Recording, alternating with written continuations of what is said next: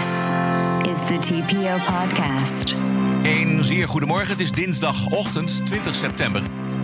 Dit is een Greatest Hits aflevering van de TPO podcast. Omdat ik op vakantie ben in Griekenland. En vrijdag, dan is er weer een gewone aflevering van dat Griekse eiland af.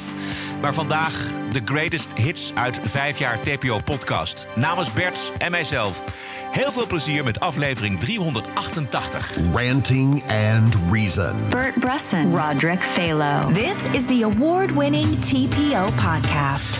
Ja, en hoewel de redactie en de presentatie van de TPO-podcast volledig uit mannen bestaat, zijn de rechten en belangen van vrouwen ons uiteraard zeer lief. Het hele jaar door, maar vooral op Internationale Vrouwendag. Er gebeuren een paar mooie dingen in het kader van Internationale Vrouwendag. En wij noemen ze hier, bijvoorbeeld in Zwitserland, hebben ze gisteren bij referendum het boerkaverbod ingevoerd. Krappe meerderheid was zo verstandig, vooruitstrevend en vrouwvriendelijk om uh, voor dat verbod te stemmen. Omdat, één, de middeleeuwen alweer 900 jaar geleden zijn.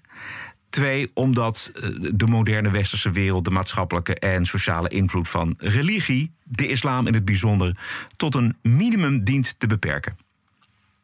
Nou, Sylvana is het niet met je eens. Ja, I don't care.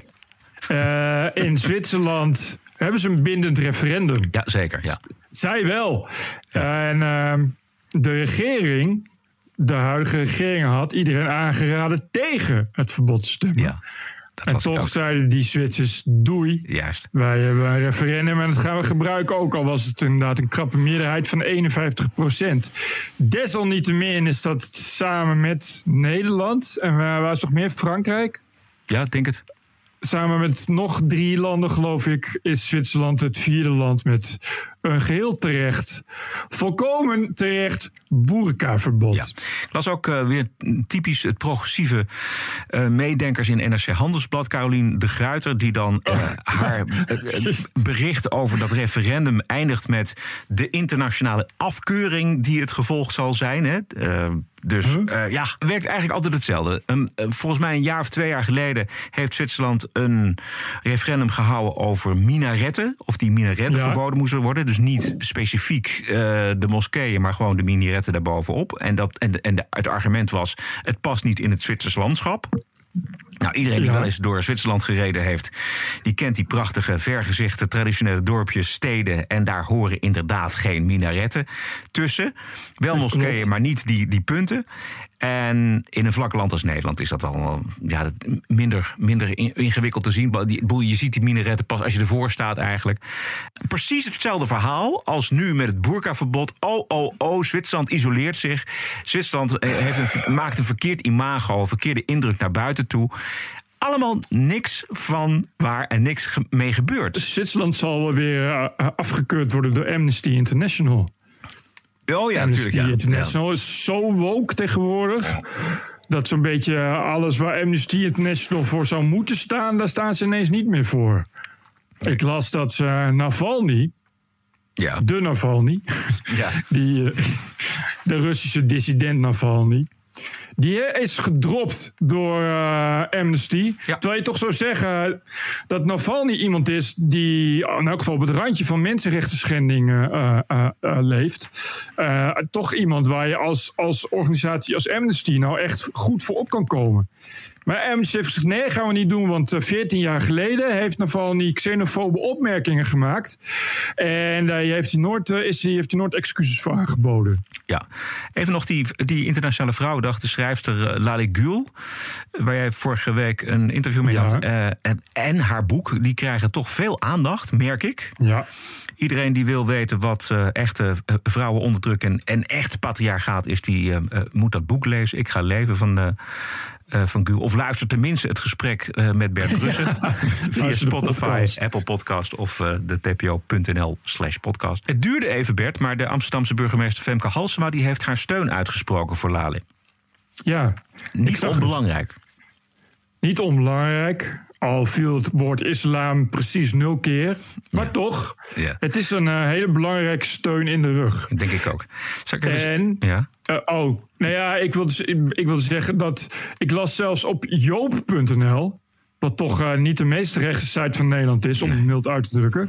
Een stuk van, uh, ik denk PvdA-vrouwen, ze noemden zich Rode Vrouwen, die dus ook opnamen voor uh. Die inderdaad, die dus precies geven zoals het hoort. Die zeiden van ja, als je, als je feminist bent, dan moet je juist opkomen voor alle onderdrukte vrouwen. Dus juist voor haar. Ja. Nou, als dat zelfs al op joop.nl staat, dan mag je toch, Ja. toch in je handen knijpen. Lale is moedig en verdient alle steun. Amsterdam mag trots op haar zijn.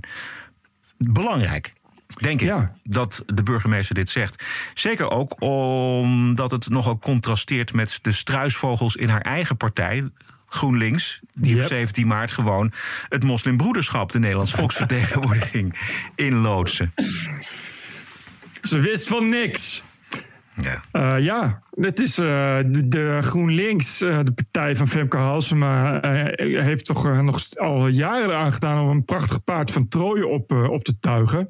En dat gaan ze nu potjandori hoe dan ook naar binnen trekken, zodat de islamisering met noodvaart kan doorzetten. Dat Ja. is toch voor heel veel mensen binnen GroenLinks het allerbelangrijkste. Dus Kautargas moet en zal eh, de Kamer ingaan, denk ik. Ja. Althans, ik weet niet op welke plek ze staat. Welke plek staat ze? Zeven. Oh, ja, die gaat de Kamer dus Ja, in. die gaat de Kamer. Die halen wel zeven zetels, minimaal. Ja. Ja. Zou Arnold van Doren haar ondersteunen? Want Arnold van Doren die heeft... Die vuile hond. die heeft in ieder geval gezegd dat hij eh, eh, op de steun van Halsema heeft hij gereageerd. Hij zegt: ja, neem afstand van de islam en je bent een held. Slash moslimhaat slash verdienmodel. Verdienmodel. Ja, ja, ja. Hij denkt dus dat, hij denkt dat dat hele verhaal, dat hele boek van Lale Gül... dat dat eh, bedoeld is puur voor de verkoop... en dat het verder helemaal niks te maken heeft met eh, de werkelijkheid... die zij Oh, dagelijks ja. ervaart in, eh, Nou. in haar gemeenschap. Dat zou allemaal kunnen, maar iedereen weet dat die werkelijkheid sowieso klopt. Dus, Ja. dus zelfs als het een verdienmodel is. Ik zag inderdaad eh, een hoop van, die, eh, van dat soort eh, eh, radicaal linkse twitteraars... die inderdaad dat soort dingen twitteren. Ook types met hoofddoekjes die dan zeggen... nou, ik kom helemaal niet bekend voor dat verhaal. TPO Podcast. Afgelopen weken was er uiteraard veel aandacht in de media voor de dood van de Britse vorstin. Maar doorgaans eisen prins Harry en zijn vrouw Meghan alle aandacht op. Dat is goed eh, voor hun podcast, denk ik. Goed voor de kledinglijn, voor de liefdadigheid. Al hun activiteiten, die bekendheid. Voorlopig hoogtepunt van alle aandacht was het bombshell-interview... dat zij in maart vorig jaar gaven aan Oprah Winfrey. Dinsdagavond, voor veel luisteraars is dat vanavond. Zendt net 5 het Oprah-interview uit met Prins Harry en Meghan. Ehm, en we besteden er aandacht aan omdat we er vorige week aandacht aan besteed hebben. Dus op een gegeven moment zit je er dan toch aan vast. Nou, het, is een, het is een bombshell-interview. Gisteren was het al te zien in Amerika en in Groot-Brittannië. En bovenaan de lijst met nieuws uit het interview... de beschuldiging van Meghan dat de koninklijke familie met Harry... een gesprek had waarin zorgen geuit zouden zijn... over de huidskleur van hun toekomstige kind. De baby van het stel. in those months when I was pregnant, all around this same time. So we have in tandem the conversation of he won't be given security, he's not going to be given a title. And also concerns and conversations about how dark his skin might be when he's born. What? So um, Hold up, hold up. there's Stop several right now. conver- there's several conversations. There's a about it. conversation with you with Harry. about how dark your baby is going to be? potentially and what that would mean or look like. Ooh. And you're not going to tell me who had the conversation? I think that would be very damaging to them. Okay. Kan allemaal. We weten hoe dramatisch, eh, sinds The Crown weten we hoe dramatisch dat allemaal Ja. eraan toe gaat daar. Maar dan nog kun je denken, ja, je kunt ook die vraag uit belangstelling stellen. Dus hè, je kunt hem ook niet racistisch bedoelen. Ik denk dat. eh, ik denk dat. eh, mevrouw Markle. eh, eh, hoe heet ze? Meghan Ja, Markle, Meghan, toch? Meghan, ja. Meghan blij mag zijn dat Lord Mountbatten dood is. Want anders had hij waarschijnlijk eigenhandig ervoor gestaan. Dat hij eh, gebleekt wordt eh, voordat hij eh, in, in de openbaarheid mag komen. Zo racistisch, ja. Ja, ik bedoel, dat, natuurlijk is dat een blank bolwerk. Maar dat, dat, is dus het punt.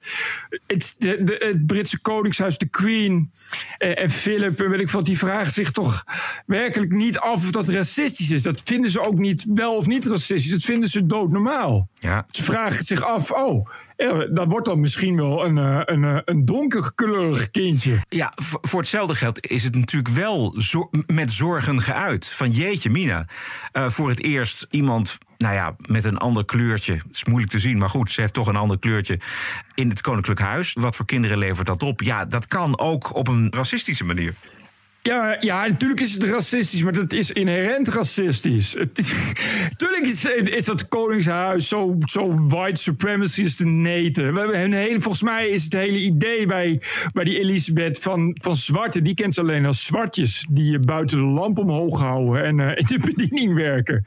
Want je, dat, ik, ja, racistisch, ja, zo racistisch als de neten. Maar dat, ik, volgens mij weten die mensen helemaal niet beter. Ook Dus dus als de, als de aanstaande of de vrouw van Harry een eh, volbloed Spaanse zou zijn geweest, of een, of een Griekse of een, of een Italiaanse, dan was dat ook een punt van discussie geweest. Ja, maar dan was het waarschijnlijk ook het punt van discussie geweest. Waarom moet jij eh, een eh, volbloed Spaans of Italiaanse nemen? Ja, ja, precies. Ja. En bovendien is het natuurlijk voor, voor, voor, voor de Queen. Is het natuurlijk een heel groot verschil of, of het iemand is van, van, van Spanje, wat een, wat een vorstendom is, of uit Mexico. Mexico, Mexico, dat zijn mensen die, die bonen eten en, eh, en goed zijn in sombrero's vlechten, voor, voor wat de Queen betreft, weet je wel. Dus daar, dit, dit, bedoel, ja, natuurlijk is dat racistisch. Ik begrijp gewoon de ophef niet. Wat hadden die mensen dan verwacht? Dat, dat, dat het Britse Koningshuis door en door inclusief was. Nee, dat en, en, had, en had geroepen dat het echt niet uitmaakt wat je huidskleur is... en dat alle huidskleur hetzelfde is. Hou op, zeg, daarom maak ik net die Lord Mountbatten grap. Ja.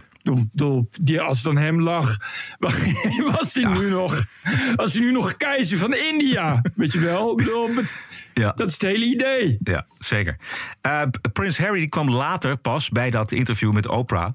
En uiteraard werd hem gevraagd naar die conversatie. Maar eh, Harry gaat daar niks over zeggen. Megan shared with us that there was a conversation with you about Archie's skin tone. What was that conversation? That conversation I'm never going to share. No, never, ever. Laffe, laffe twat. Nou ja. Wel zeiken, maar niet, eh, niet de hoed en de rand eh, vertellen. Dat mag dan weer niet. Maar het is die bang voor zijn toelage of zo. Minstens even rijkhalsend eh, keken wij uit naar de reactie van televisiejournalist Piers Morgan in Good Morning Yes. Britain. I'm angry to the point of bawling over today. I'm sickened by what I've just had to watch. Okay, a number of people come to might your- be- no, no. might be upset Sorry, you can and come to your, you can defend it in a minute. I'm just going to say what I'm going to say. Okay. This is a two-hour trashathon of our royal family, of the monarchy, of the, everything the Queen has worked so hard for, and it's all been done as Prince Philip lies in hospital. Mm-hmm. They trash everybody. They basically make out the entire royal family a bunch of white supremacists by dropping this race bombshell without that phrase. They didn't name any. They didn't name which one it was. They just throw it out there so it could be any member of the royal family. And Harry says, "I'll never say who it was." Juist. Ja, er zit heel veel ergernis, weinig argumentatie, moet ik heel eerlijk zeggen. Want ik heb de hele uitzending gezien van Good Morning Britain. Maar hij is vooral heel erg boos. In de, in de uitzending zit ook een royalty watcher, super geïnformeerd. En hij zegt, ehm, wie zich druk gemaakt hebben over die huidskleur van die baby... dat is of de vader van Harry, Prins Charles, ehm, of zijn broer. It was a conversation that Harry had with his family members. I should be clear here. I've been told it's not the Queen and not the Duke of Edinburgh. how do we know that which only one leaves is? that only leaves two family members. But how do you know that? Because that's what I've been told. Yeah, but how does Okay, that well, that's my know? job is to find out things. That's what I do, and I'm not going to share my Right, so- sources with you here. So now we're, now we're left with who? F- uh, Charles, Well, this, I, William, I was about to explain that. So the, the two people that you're left with is either his father, Prince Charles, or his brother, Prince William, all their wives. I mean, that's pretty serious. That's kind of where it's left. They, they protected the Queen. The thing is, they protected the Queen throughout this by saying the Queen did nice. We have They have an we amazing have lovely relationship with her. Zoom have calls Zoom with the Queen. But uh, equally, they are criticising the institution of which she is head.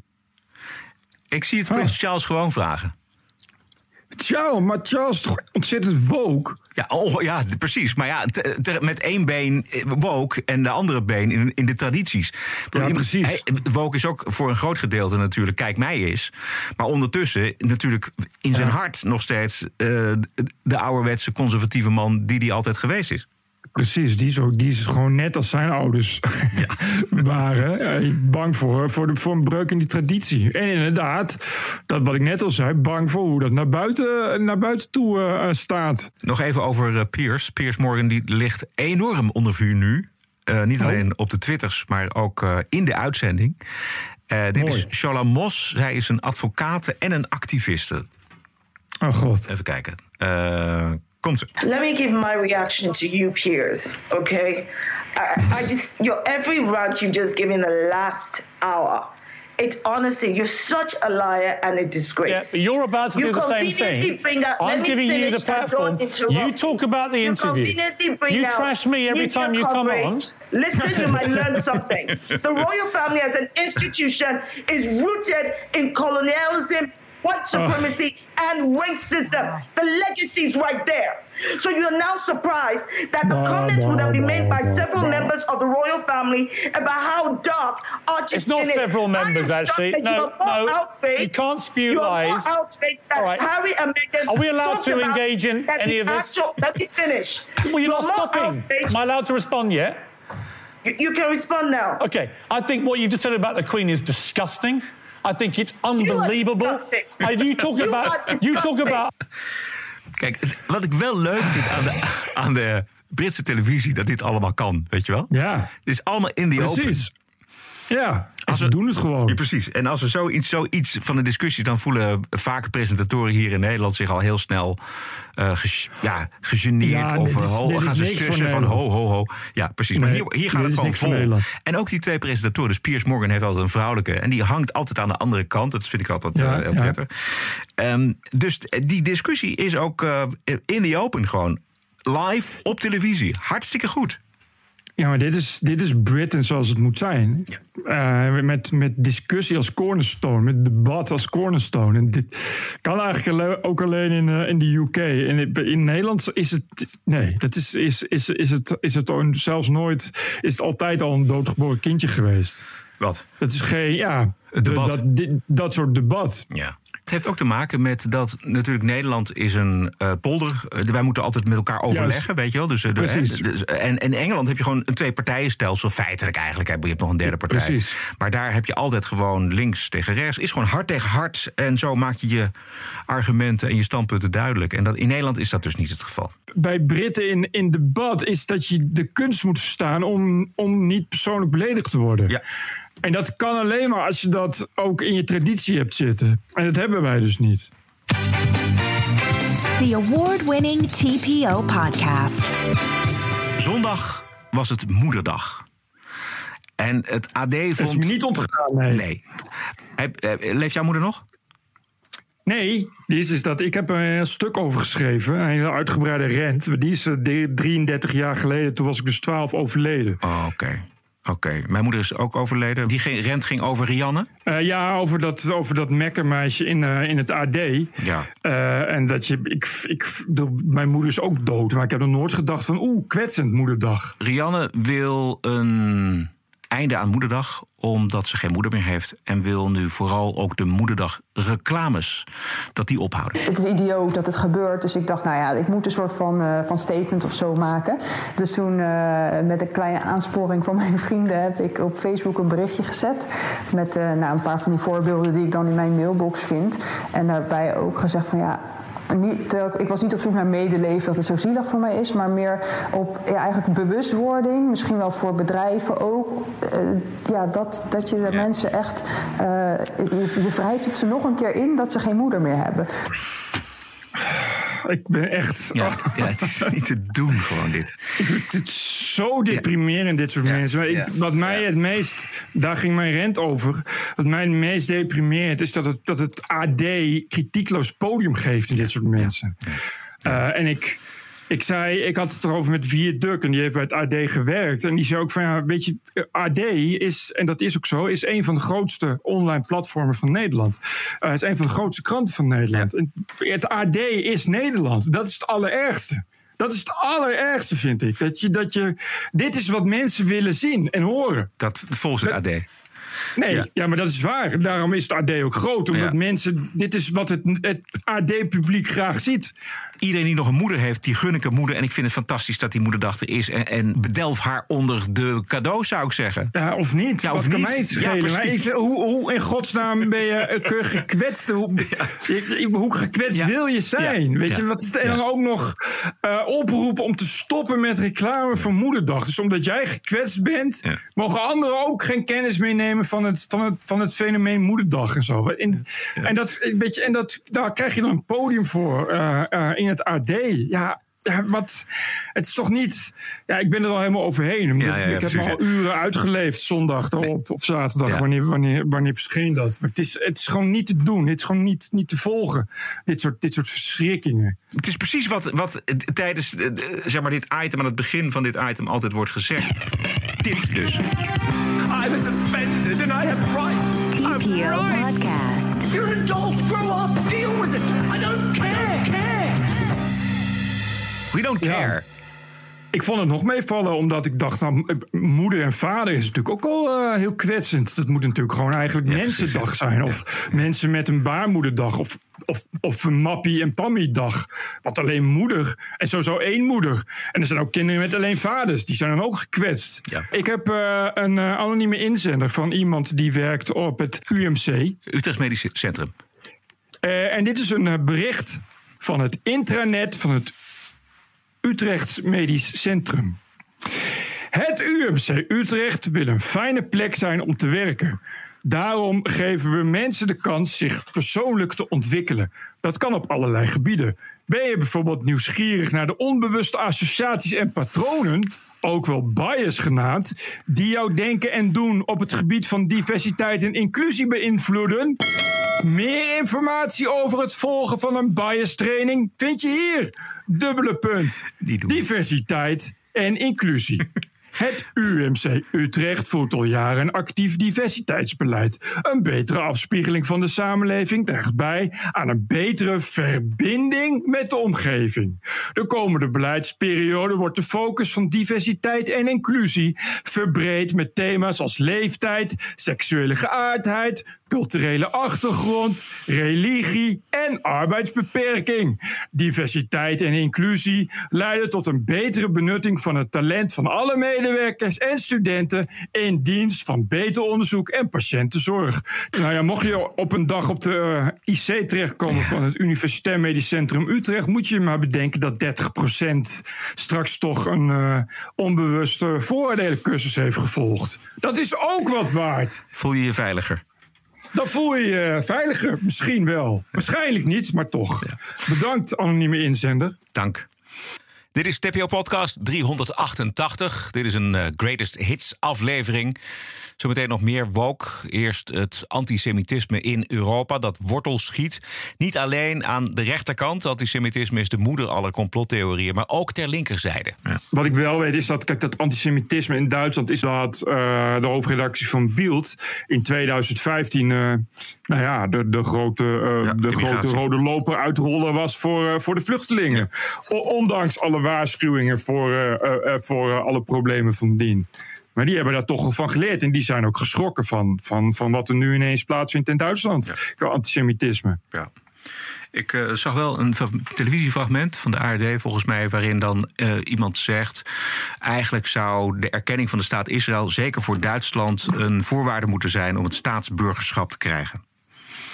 En Want Duitsland is nog precairder dan Nederland natuurlijk als het gaat om Joden en de Holocaust. Ja. Wat ik wel weet is dat, kijk, dat antisemitisme in Duitsland is natuurlijk al jaren groeiende. Uh, en het, maar het wordt al jaren geframed als extreem rechts. Uh, terwijl, weet je, de, de, afgelopen jaren werd het al lang zichtbaar dat die vluchtelingenstroom ook, ook de enorme impuls voor het antisemitisme opleverde. Dus uitgebreid over bericht en uitgebreid over geschreven. Maar toch altijd weer uh, geprobeerd met nuance. Ja, maar neonazies en ja, maar extreem rechts. Ja. Onlangs, nog geloof ik een paar weken geleden, kwam ook weer zo'n monitor uit. Ja, antisemitisme enorm toegenomen. Het is vooral de schuld van het extreem rechts. Terwijl in werkelijkheid uh, is het zo bijvoorbeeld dat in Duitsland dat uh, alles wat uh, wordt gemeld als antisemitisme wordt automatisch op konto van extreem rechts gezet.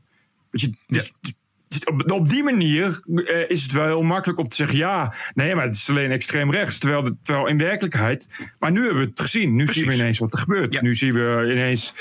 Is, is zijn alle remmen los. Exact. En daarom is die vrijheid van meningsuiting zo belangrijk. Omdat je kunt zien waar dat antisemitisme zit. Hmm. He? Inderdaad, ja. Nou, dat is een goeie. Ja. Dit, dit, is nou precies waarom je, waarom je stemmen juist niet de kop in, indrukken. Nu, ja. de, je moet dit soort mensen juist de ruimte geven. Zodat iedereen zelf kan beoordelen wat er gaande is. Als we in Den Haag kijken, dan is het vooral de PVV. En dan met name Martin Bosma, die 100% voor Israël kiest. Hij heeft volgens mij uh -huh. zelfs een uh, Twitter-account, een vlaggetje gemaakt van, ja. van Israël.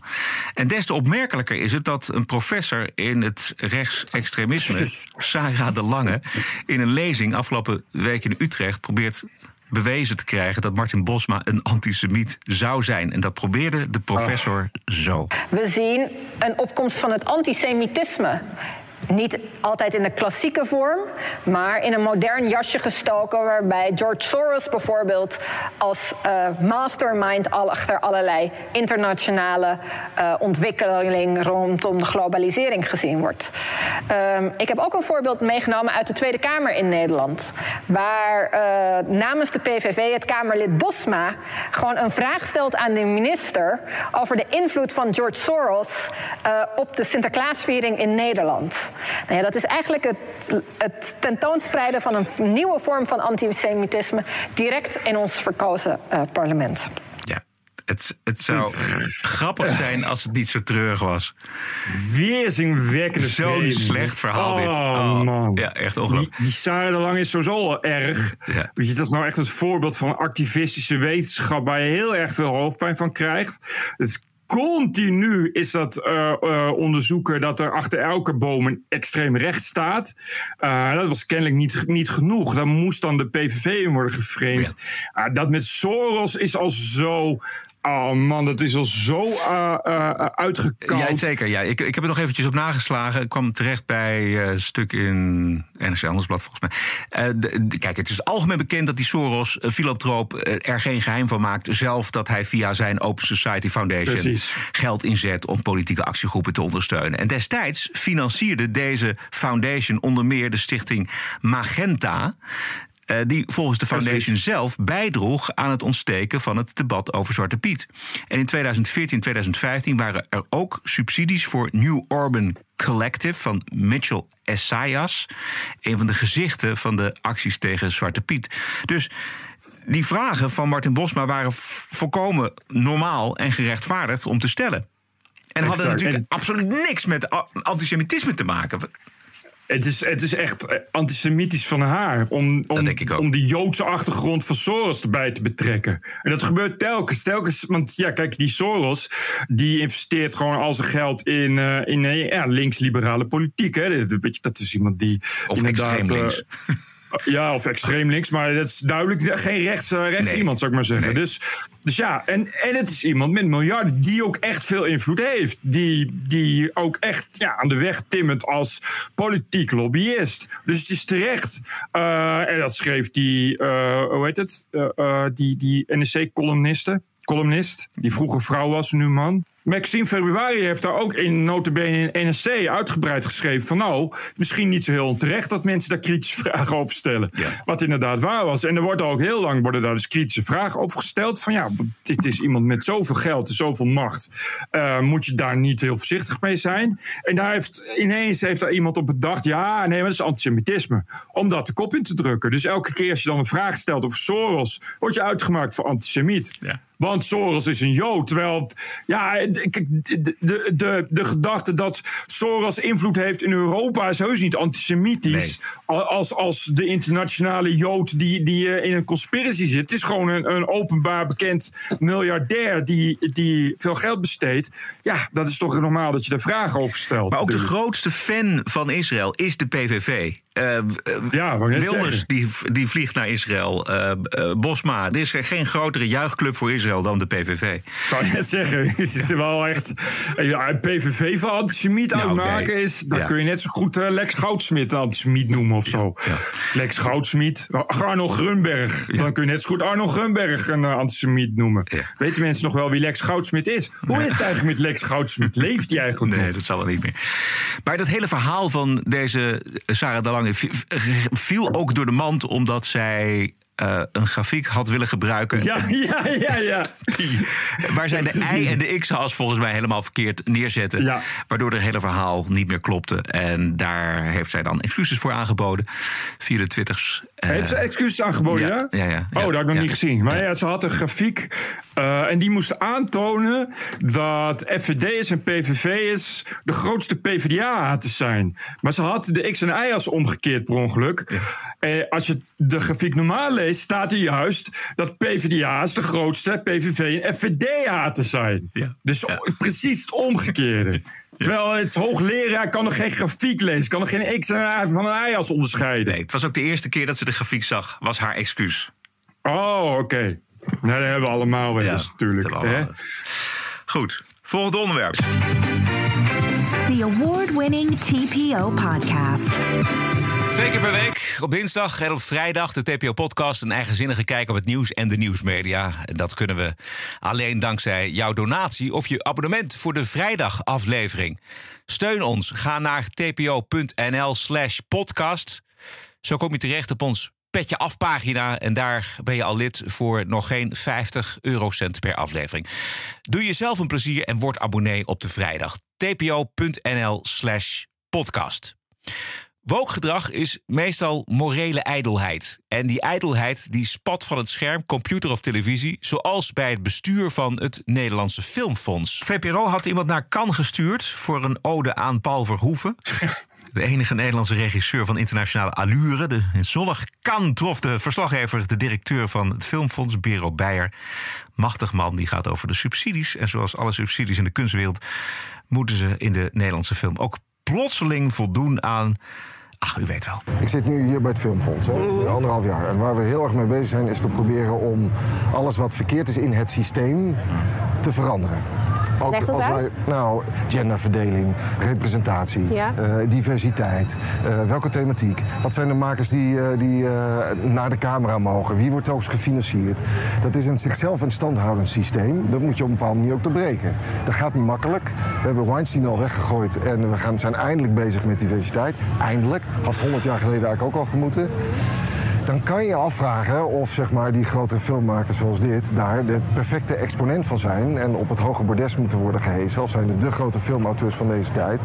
Terwijl ze maar in beperkte mate, heel mild gezegd, die nieuwe lichting vertegenwoordigen of daar echt zich toe verhouden. Bero Beijer is een blanke man aan het hoofd van het Filmfonds... die maar liefst al anderhalf jaar studeert op diversiteit. En naast hem nog een bestuursman, George van Bremen. Ook een blanke man. Nee, we moeten eigenlijk Paul Verhoeven cancelen, want het is een blanke man. Daar komt het op neer. Nee, ja, het, het filmfonds is al 50 jaar het probleem van, van, van het Nederlandse filmmaken. Daarom is het Nederlandse film ook altijd zo kut. Omdat je naar het filmfonds moet, omdat je anders geen geld krijgt. In tegenstelling tot Amerika hebben we hier niet een gezonde markt. Waar grote studio's zijn die heel veel geld kunnen geven. Dus moet je altijd subsidie aanvragen en moet je altijd naar het filmfonds. En dat filmfonds, dat is al sinds het ontstaan echt, echt zo communistisch dat zelfs het nieuwe regime op Cuba er niks mee te maken wil hebben. Zo communistisch is het. Uh, en dat laat zich gelden. Dat heeft zich altijd laten gelden. Daarom zijn, zijn Nederlandse films zo, erg. Daarom is het altijd zo bescheten. Gaat het altijd over van die verschrikkelijke Amsterdammers. Uh, is het altijd een soort, soort GroenLinks D66 propagandaclubje. En nu krijg, je, nu krijg je dit soort gereut alweer. Dat houdt maar niet op. En het probleem is dat je als serieuze filmmaker vrijwel geen kans hebt om, om er buiten te gaan. Het, althans niet als je geld uh, nodig hebt. Hij zegt gewoon, ik ben, ik ben Paul Verhoeven. En ik maak wat ik wil maken. Ik maak wat ik wil maken. Ja. En als ik ergens tegenaan wil schoppen, schop ik daar tegenaan. Als ik eh, bloed of seks of wat anders wil laten zien, doe ik dat ook. Ja. Als ik Jezus ineens een soort samurai wil laten zijn of een versierder, dan doe Zoals ik dat we ook. zagen in Benedetta. Because I don't care. Nou, Ja. Vol respect ervoor. Daarom is het een van de grootste Nederlandse filmregisseurs. Omdat die maat van de recalcitrantie, anarchisme, een soort after system gedachte er ook in heeft. Zelfs als hij er onderdeel van is. Nou, dat vind ik knap. Kijk, dus dit is het totale tegenovergestelde van wat hij eerst zei. Wat een wous. Dat, is- ja. Je hoort, het is echt, je hoort wat hij net zei. Het is ook zo'n zo'n typisch, wat nu hip is, propaganda pra- praatje. Riedel. Wij gaan willen heel divers zijn. En dat vinden we heel belangrijk. En ook, hij heeft ook, ook doodleuk over Weinstein. Alsof het Nederlands Filmfonds ook maar in de verste verte ooit... ook maar iets met Weinstein heeft te maken. Je kunt gewoon nu naar de gevangenis bellen bij Weinstein zetten... en zeggen van... Hé hey, Weinstein, heb je wel eens van het Nederlands Filmfonds gehoord? Zegt, nou, ik heb veel dingen gehoord in mijn leven... maar het Nederlands Filmfonds nog nooit. Trouwens, waar ligt Nederland? Ligt dat niet ergens bij Brussel of Berlijn in de buurt? Dus echt, weet je, het is, het is allemaal zo treurig. Het is, dat is...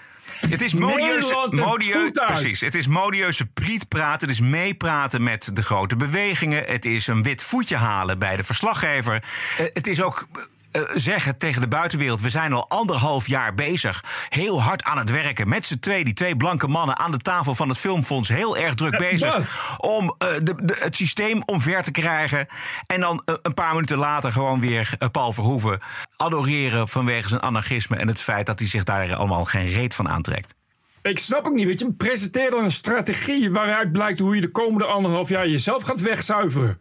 Ik, ik begrijp echt serieus oprecht niet hoe dat soort lui het toch dan weer bestuurd worden door blanke mannen. Weet je, je hoeft toch niet, je hoeft toch echt, het hoeft toch geen, eh, er hoeven echt geen twee zwarte transgender meneren te zijn. Je kan toch gewoon een vrouw vinden en, en eh, eh, iemand van kleur.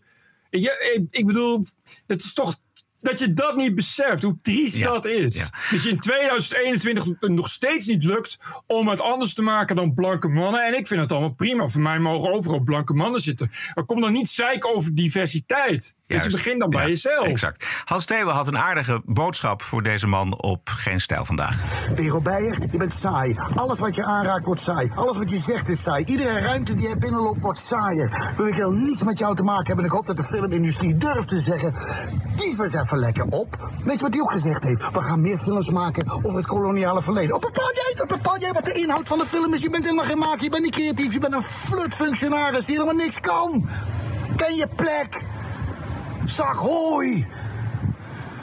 En als de mensen in de culturele sector dit allemaal pikken, tja, dan zie ik mij genoodzaakt om hetzelfde te doen wat de meeste Nederlanders al doen: de hele sector links laten liggen en langzaam dood laten bloeden. Maar zeg mij in godsnaam dat jullie iets meer pit hier donder hebt. Juist. Ja, precies. Nou ja, maar dit is eh, vertolkt het gevoel wat dus inderdaad bij veel mensen leeft.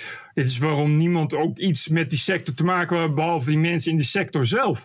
En waarom ze vooral heel veel over elkaar heen pissen. Maar je kan, en dat is. kijk, Weet je wat Hans zegt? Als je, als, je iets, als je echt iets wil, als je talenten hebt, dan denk je van ja, ik weet niet, maar ik ga niet, wat moet ik in die sector? Dan kom je dus bij iemand die zegt ja, ik wil graag eh, meer films over het koloniale verleden. Dus stel dat je een leuke film wil maken, toevallig eh, eh, eh, heb ik dat wel eens gehoord, dat is een filmmaker of een scenario schrijver, die had een eh, heel gaaf verhaal over een snackbar-eigenaar die werd overvallen door twee Marokkanen en daarna gaat hij daar eh, wraak op nemen, helemaal in Quentin Tarantino-stijl. Nou, ze zagen hem aankomen bij het filmfonds. Weet je, Marokkanen die een snackbar overvallen, dat kan natuurlijk niet. Want in het echt gebeurt dat natuurlijk helemaal niet. Weet je, dus je zult een, een eigen verhaal willen vertellen. Je zult iets zelf willen maken. Ja, dan, dan kom je het filmfonds en zegt... nee, we zijn nu bezig met de komende tijd met films over het koloniale verleden. Oké, ah goed, maar je krijgt natuurlijk geen mensen die allemaal talent hebben in het maken van films over het koloniale verleden. Wat je krijgt, zijn mensen die geen talent hebben, maar wel graag subsidie willen. En denken, hé, hey, weet je wat wij gaan doen? We gaan films maken over het koloniale verleden. Toevallig dat ze bij het filmfonds daar nu heel veel subsidies voor uitdelen. Nou, dat is een beetje zo in de Nederlandse culturele sector al jaren het geval. Vandaar dat het allemaal zo kut is. Dinsdag en vrijdag online via je favoriete kanalen. Aanstaande vrijdag een nieuwe TPO-podcast, een reguliere. Dan zit ik op een Grieks eiland en Bert gewoon op zijn eigen eiland, La Palma. Het is uh, een vrijdagshow met een nieuwe Wokweek. Hij is te beluisteren voor maar 50 eurocent per aflevering.